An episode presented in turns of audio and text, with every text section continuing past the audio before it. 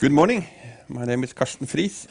Um, right, uh, as you know, two days ago, the Police Secret Service said publicly that we should be, I don't remember exact wording in, in, in, in, English, but something about be careful about Huawei. Um, and our Minister of Justice had said something, something similar earlier, and other, you know, we heard that same from other countries. At the same time, Huawei are, you know, arguing we had done nothing wrong ever. Uh, actually, we have the most transparent systems in the world.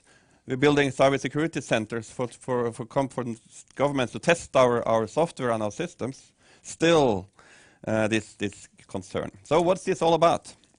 Why, why, why are we concerned? Is it, is it, uh, is it uh, cunning plot or is it something real? Right. So we're going to learn more about that today, not particularly on Huawei, in particular about, about Chinese and, and Western companies.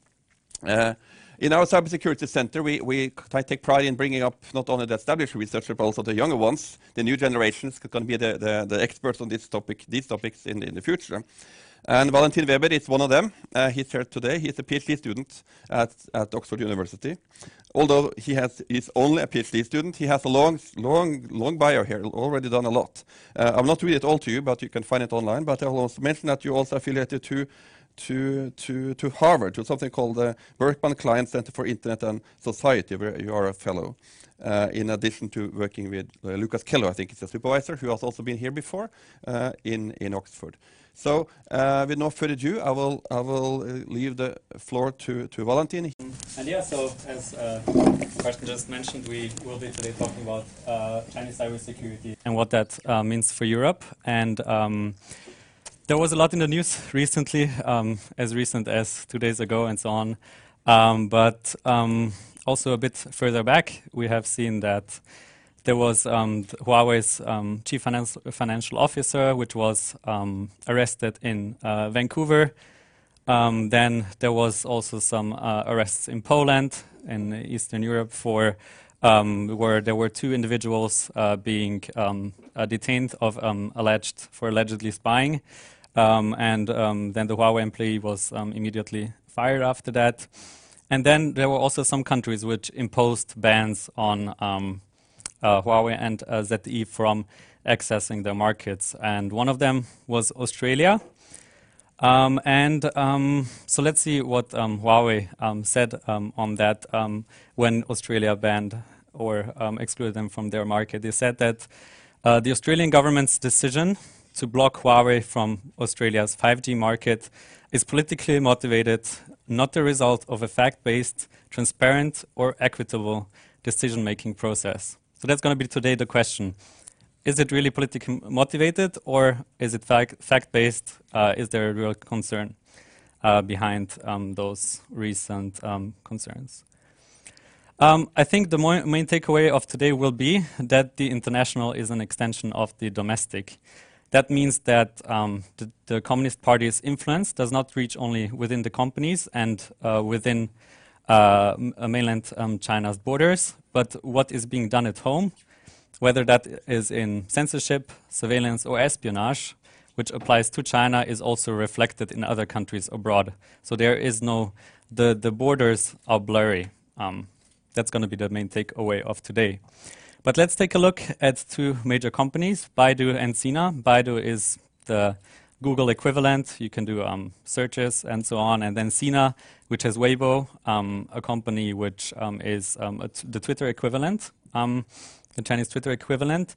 And uh, those two companies have um, Chinese uh, Communist uh, Party committees within their uh, corporate structures. And most technology, or most also most uh, large companies within China, have those uh, committees, which are not only on working group level, but they are really at the decision making level, and they, they have influence on what's happening domestically, but also internationally. And um, their role of those committees is to assess a company's daily operations. Their role is also to make sure that the company, it, whether it's a technology company, whether it's uh, different um, sectors, that they, it's um, their role to assess that they are really aligned with what the party wants whether it's um, in different regions or whether it's um, at home. And um, there was an interesting paper by Milhaupt and Zhang, who are two um, American uh, academics, who wrote that many large, successful Chinese firms, both state owned enterprises and privately owned enterprises, exhibit substantial similarities in terms of market dominance, receipt of state subsidies, proximity to state power, and the execution of the state's development pol policy objectives. So, what does that mean? Paraphrase that means that there's not really a big difference whether a company is state owned or privately owned. They both, the Chinese Communist Party, has influence within them. Um, and even though um, Huawei falls within the private um, owned enterprise, um, again, according to those two authors, there's not much of a difference. Even if the state doesn't hold um, a, a, share within that company, that um, doesn't uh, really um, shouldn't really affect our decision uh, of the company's closeness to the party and its influence. WeChat, another um, service which is owned by Tencent, a large um, um, platform in China as well. Also on WeChat, it's usually you can. Uh, it's called also a super app. You can do everything with it. You can uh, write your friends. You can get your laundry done, you can order uh, your food, you can order everything basically. And um, WeChat does um, filtering at home, right? They do censorship at home. That means you can't, let's say, write freedom to your friends. You can't write um, uh, Tiananmen Square because it's just going to be censored. But even if you move abroad, and if you have like your, um, and even if you get the new international SIM card, that censorship will still apply. Let's say you move um, back to Norway, you will still get um, the filtering on your device. Um, and it was interesting. We saw the story by uh, Wang, um, Meng Wanzhou, who was arrested in Vancouver, right, the Huawei official. And if you used WeChat in Vancouver, let's say you just moved to Vancouver and you wanted to read some news and you still wanted to read in Chinese on uh, WeChat, and WeChat has an um, feature which is called WeChat News. And you wanted to look up um, what's happening, and you just couldn't um, get the proper news because it was filtered, it was um, censored, even if you were in Vancouver. And that example serves to show that um, whether you are in China or whether you're abroad, the, the um, parties' um, preferences and objectives still reach even into those countries. ZTE, another uh, 5G contender who could build the 5G networks had um, a similar um, case. Um, they are building at home um, equipment which could be used for the social credit system. I won't go into details because most people have already read about it, but it's mostly um, a, a, tool also for the, the government to have um, surveillance and control over their people. And what ZTE did, it, they took the technology from home, went to Venezuela, and built something called a fatherland card. And on that Fatherland card is like looks like a, let's say if you have a, a Mastercard or something, and on it you have like a QR code, and it tells you um, what uh, your health data, it tells the government your income, and but also your political activities. Again, another case in point where surveillance doesn't stop at um, China's borders. What is being done at home is being reflected internationally. But let's now go to Huawei because it was a mo most news is about it, and I think most people are interested. So I'm sorry for that interlude for those couple of minutes um, that weren't about the uh, their company. But yeah, uh, let's have a look at what um, the, those concerns are about. Um, let's have a look first at what 5G is. It's like the fifth generation network. It's every it's um, a continuation of the three first generation network and the 4G and it makes everything faster. It um, allows more data to be transported. It's lower latency. That means, let's say you have a video call and you just won't have any glitches. You can talk to your friends and there is going to be no uh, bad connection, let's say. And you could, what you could also do, uh, what it's going to enable is, let's say, there's going to be in the future autonomous vehicles, and those um, vehicles are going to produce a lot of data. They will um, connect to other cars, they will connect to everything, to the infrastructure, um, and um, in order to process all of that, 5G is going to be needed in, also in order to enable that. Uh, it could be also used in remote surgeries. Um, it um, could be uh, really uh, make the remote surgeries more common because, and again, if you need video, it's going to be the um, way to go to allow that um, for happening. And why is 5G important? It's important because um, it is core internet infrastructure. It's the Um, it's going to enable a lot of critical services. Let's say uh, the police uh, will use 5G, and if they talk to each other, you as a country want it to be confidential, right? Then, um, if you look at, at, autonomous vehicles, they're going to be driving. You want to um, have that data that um, and the algorithms that uh, those vehicles use um, to be uh, have integrity, right? You don't want uh, those um, cars to crash. You also want that 5G network to be available. That means you want, um, let's say, there's a natural disaster, something is happening, and you don't want the communication systems to go down. So it's really important that uh, the CIA of security is maintained for the 5G um, network. Who are the main contenders for building the fifth generation network? Uh, Huawei has uh, the largest market share at the moment with 28%. That's a, uh, a study done by IHS Markit. Second largest is Sweden's Ericsson with 27%, and then Nokia with 23%. ZTE with 13% and Samsung with 3%, and others are others probably Cisco um, and similar companies. But yeah, just this graph maybe shows you well that um, if you, uh, company, um, governments exclude Huawei and ZTE from the markets, it's almost like 41% of uh, the global market, which is not able to compete within new markets. And a lot of countries have considered it. I think everybody is considering at the moment um, whether what they should do. But there's some countries which are much harsher. Let's say um, Australia has basically excluded the company from competing for its 5G networks. Then Japan issued a, uh, I think they prevent them from ZTE and Huawei from competing within the markets, right? And um, a lot of Japanese um, mobile um, providers have also um, said that they probably won't use those um, companies. Then uh, some countries in the uh, EU, including Norway, right? Um, just two days ago, there was uh, it in the news, right? That the Norwegian government uh, or the, the security services are concerned. But also the EU as a whole started considering, the, uh, the European Commission started to um, ask themselves whether they should um, amend uh, a law, a 2016 cybersecurity law um, passed by the um, European Union, which um, could be amended in, in that way, maybe uh, ban um, ZTE and Huawei from the markets. So everybody is thinking about it. Again, the core question are those security concerns substantiated? Is it hard facts or is it politically motivated? In some cases, security concerns are not substantiated, just as was the Bloomberg hack. I don't know if you've read about it, but it was um, about the supply chain, right? The supply chain was corrupted from China. I think the PLA might have compromised it, and the Bloomberg report relied on 17 intelligence um, officials who have said that there is a concern, but again, in the following months, nothing really, uh, nothing further was provided um, in evidence. So we can question this uh, report, especially also because major companies such as Amazon, Apple, uh, even the Department of Homeland Security and the GCHQ, which is the UK equivalent of the NSA, said Bloomberg's chain, uh, supply chain report. We, we can't confirm that, and we, we probably don't think that it's true. So yeah, in some cases it's not substantiated.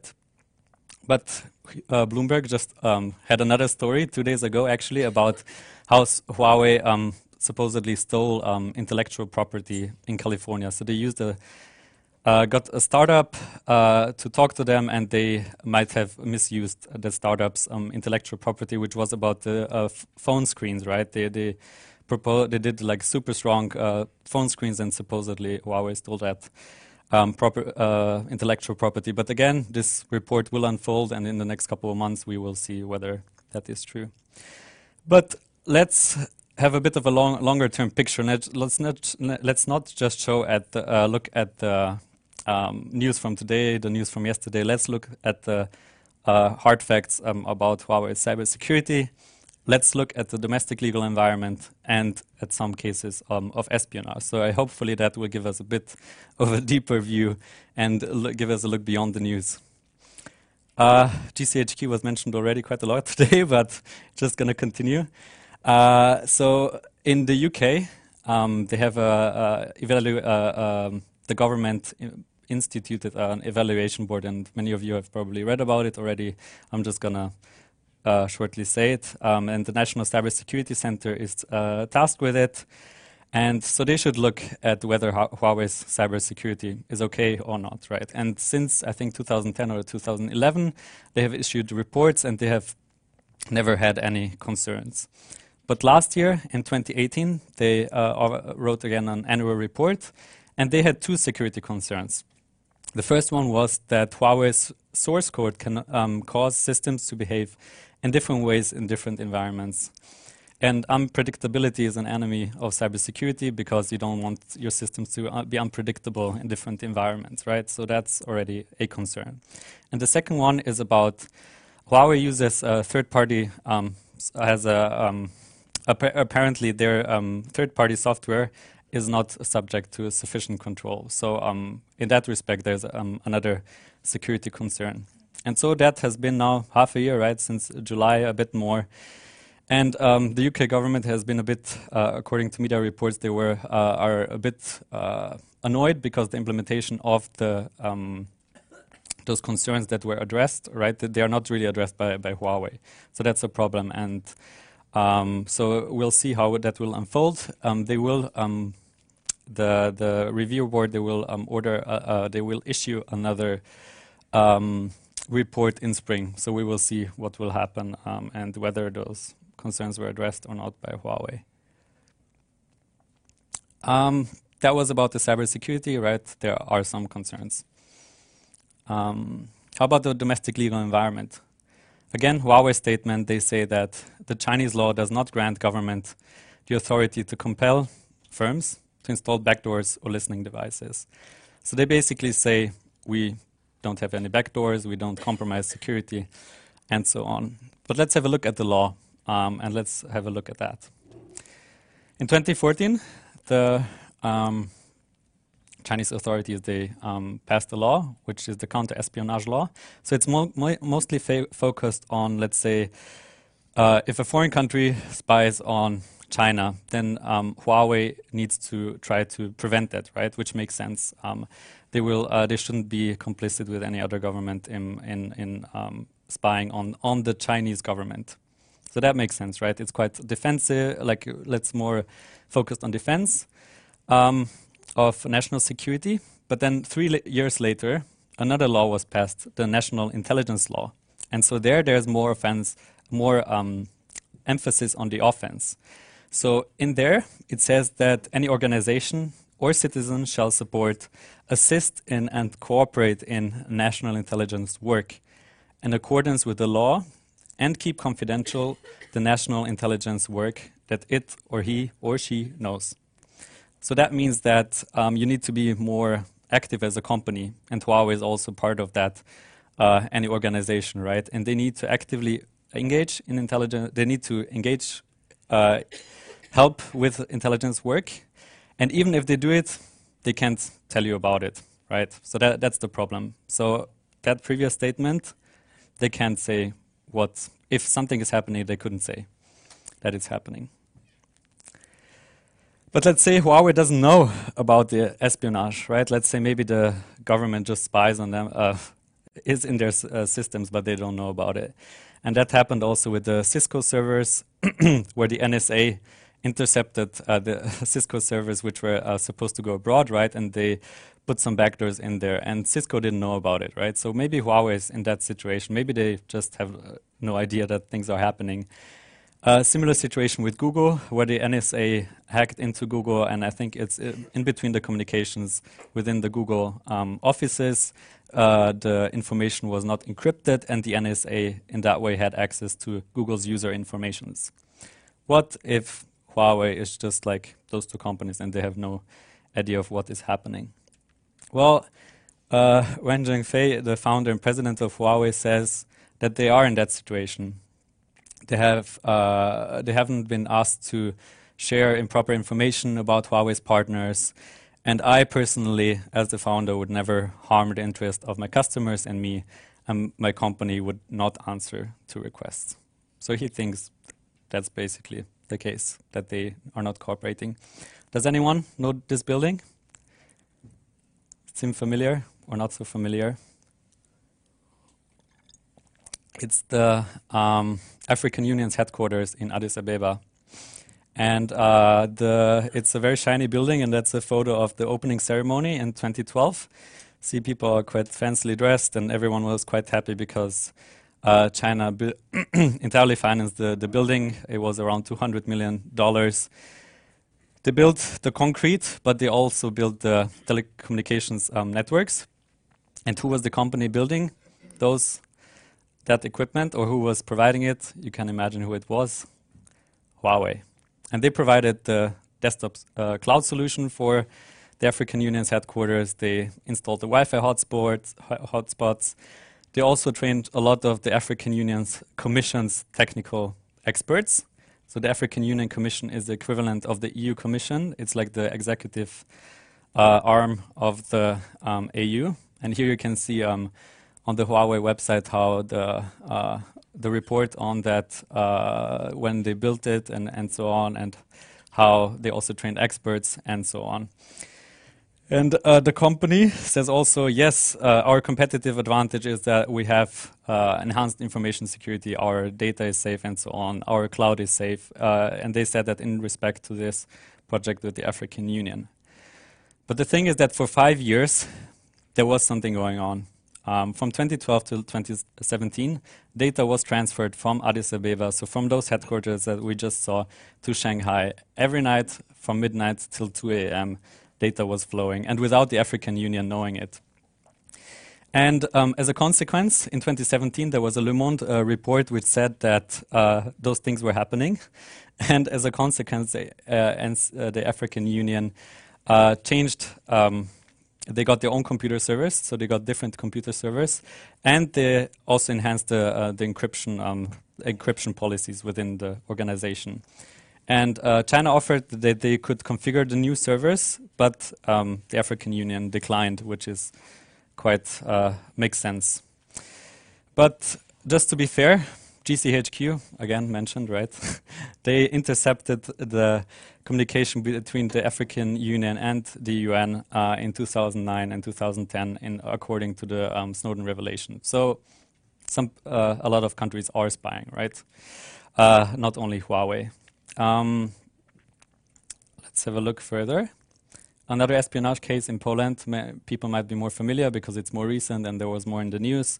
But basically, um, there was, uh, you can see again, um, Huawei, the, their statement that uh, they uh, were involved uh, in Poland in a project called Seeds for the Future, which is uh, aimed at, um, let's say, um, they have uh, competitions at universities, and the best students they can go afterwards uh, to China and stay there a bit, get a bit of a working environment experience within Huawei. They learn a bit of Mandarin. They go out, see a bit, uh, have a bit of a sightseeing, get knowledge with the culture and the history um, of the country.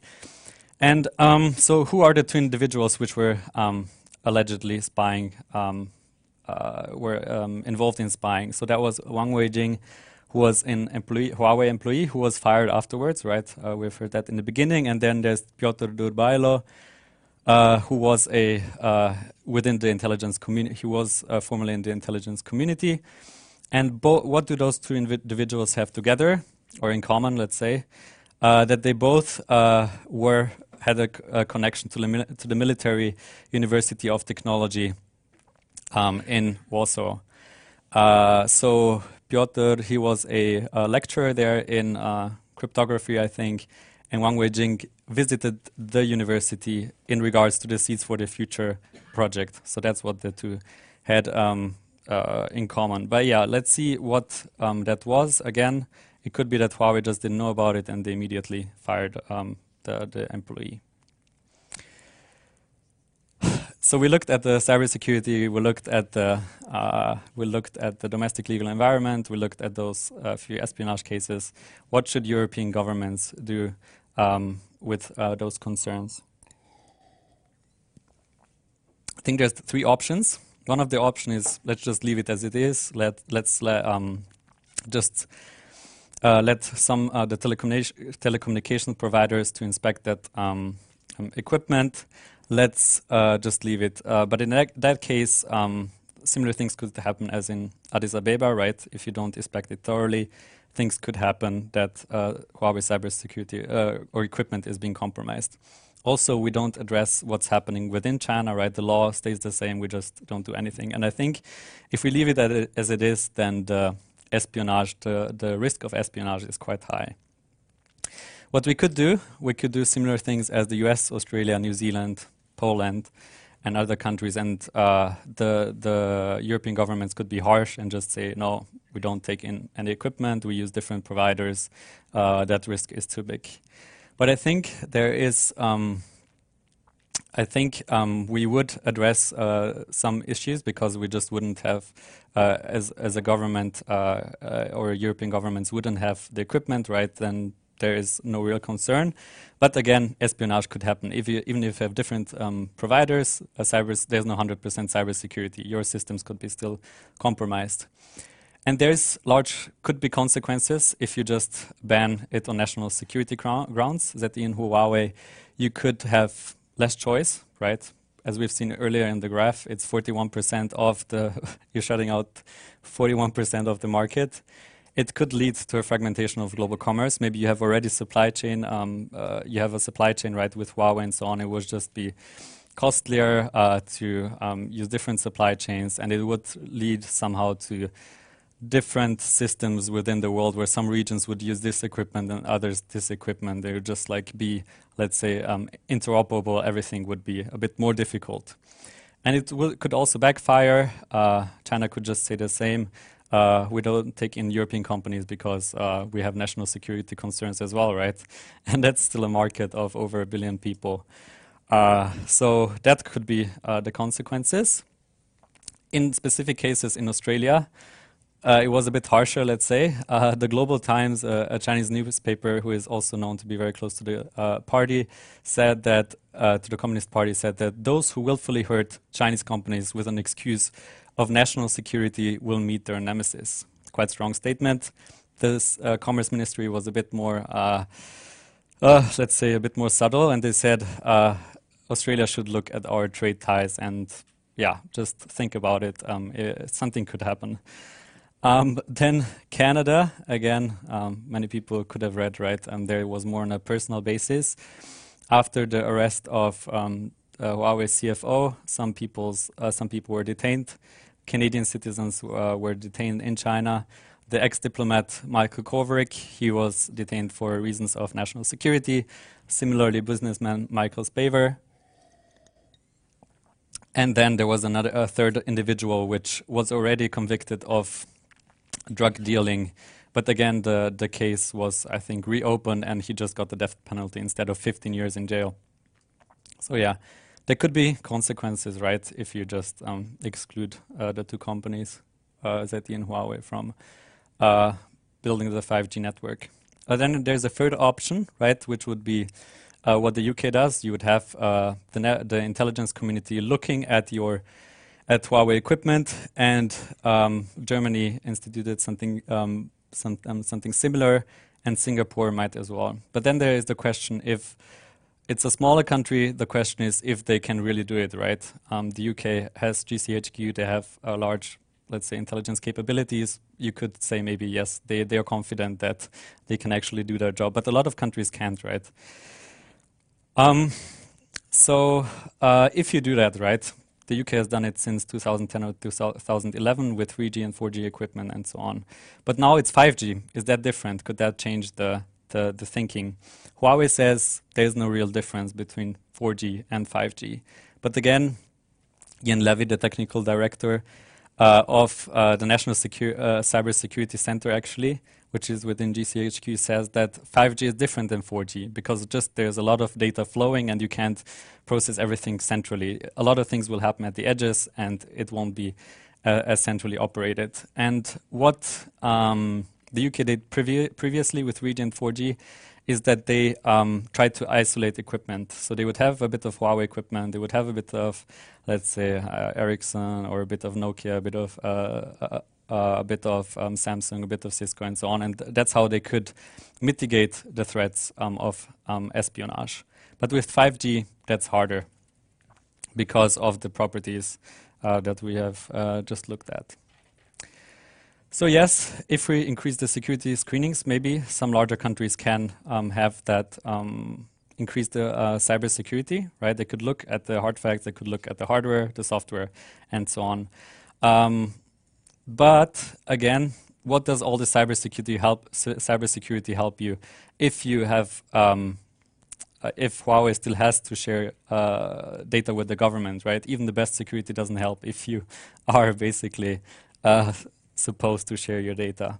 And I think uh, so. The risk of espionage is still quite elevated because of the domestic laws. So what I would suggest um, is to separate um, the Huawei's domestic corporate infrastructure from international infrastructure. And The Economist um, proposed a couple of things on how that could be done. They say that uh, yes, they need uh, Huawei needs to, and also ZTE, they need to appoint uh, international directors, foreign directors. They need to establish subsidiaries abroad which would have independent boards and local managers. So they really need to uh, make, uh, let's say, the external operations independent from the domestic. And I think in that way, uh, the also the domestic legal environment would be better addressed because um, and also more trust could be built. Right at the moment, there's not much trust, I suppose, between some governments and Huawei, and that's just because um, the the governance infrastructure within Huawei is very opaque, right? We a lot of people don't know what's going on. Um, everything is quite based around Shenzhen, which is the headquarters, and so on. Um, so I think, as we have seen today um, across the different cases, uh, with censorship um, in in Canada and with WeChat, with surveillance in Venezuela and espionage. I think um, what is happening at home is in China is also being reflected abroad, right?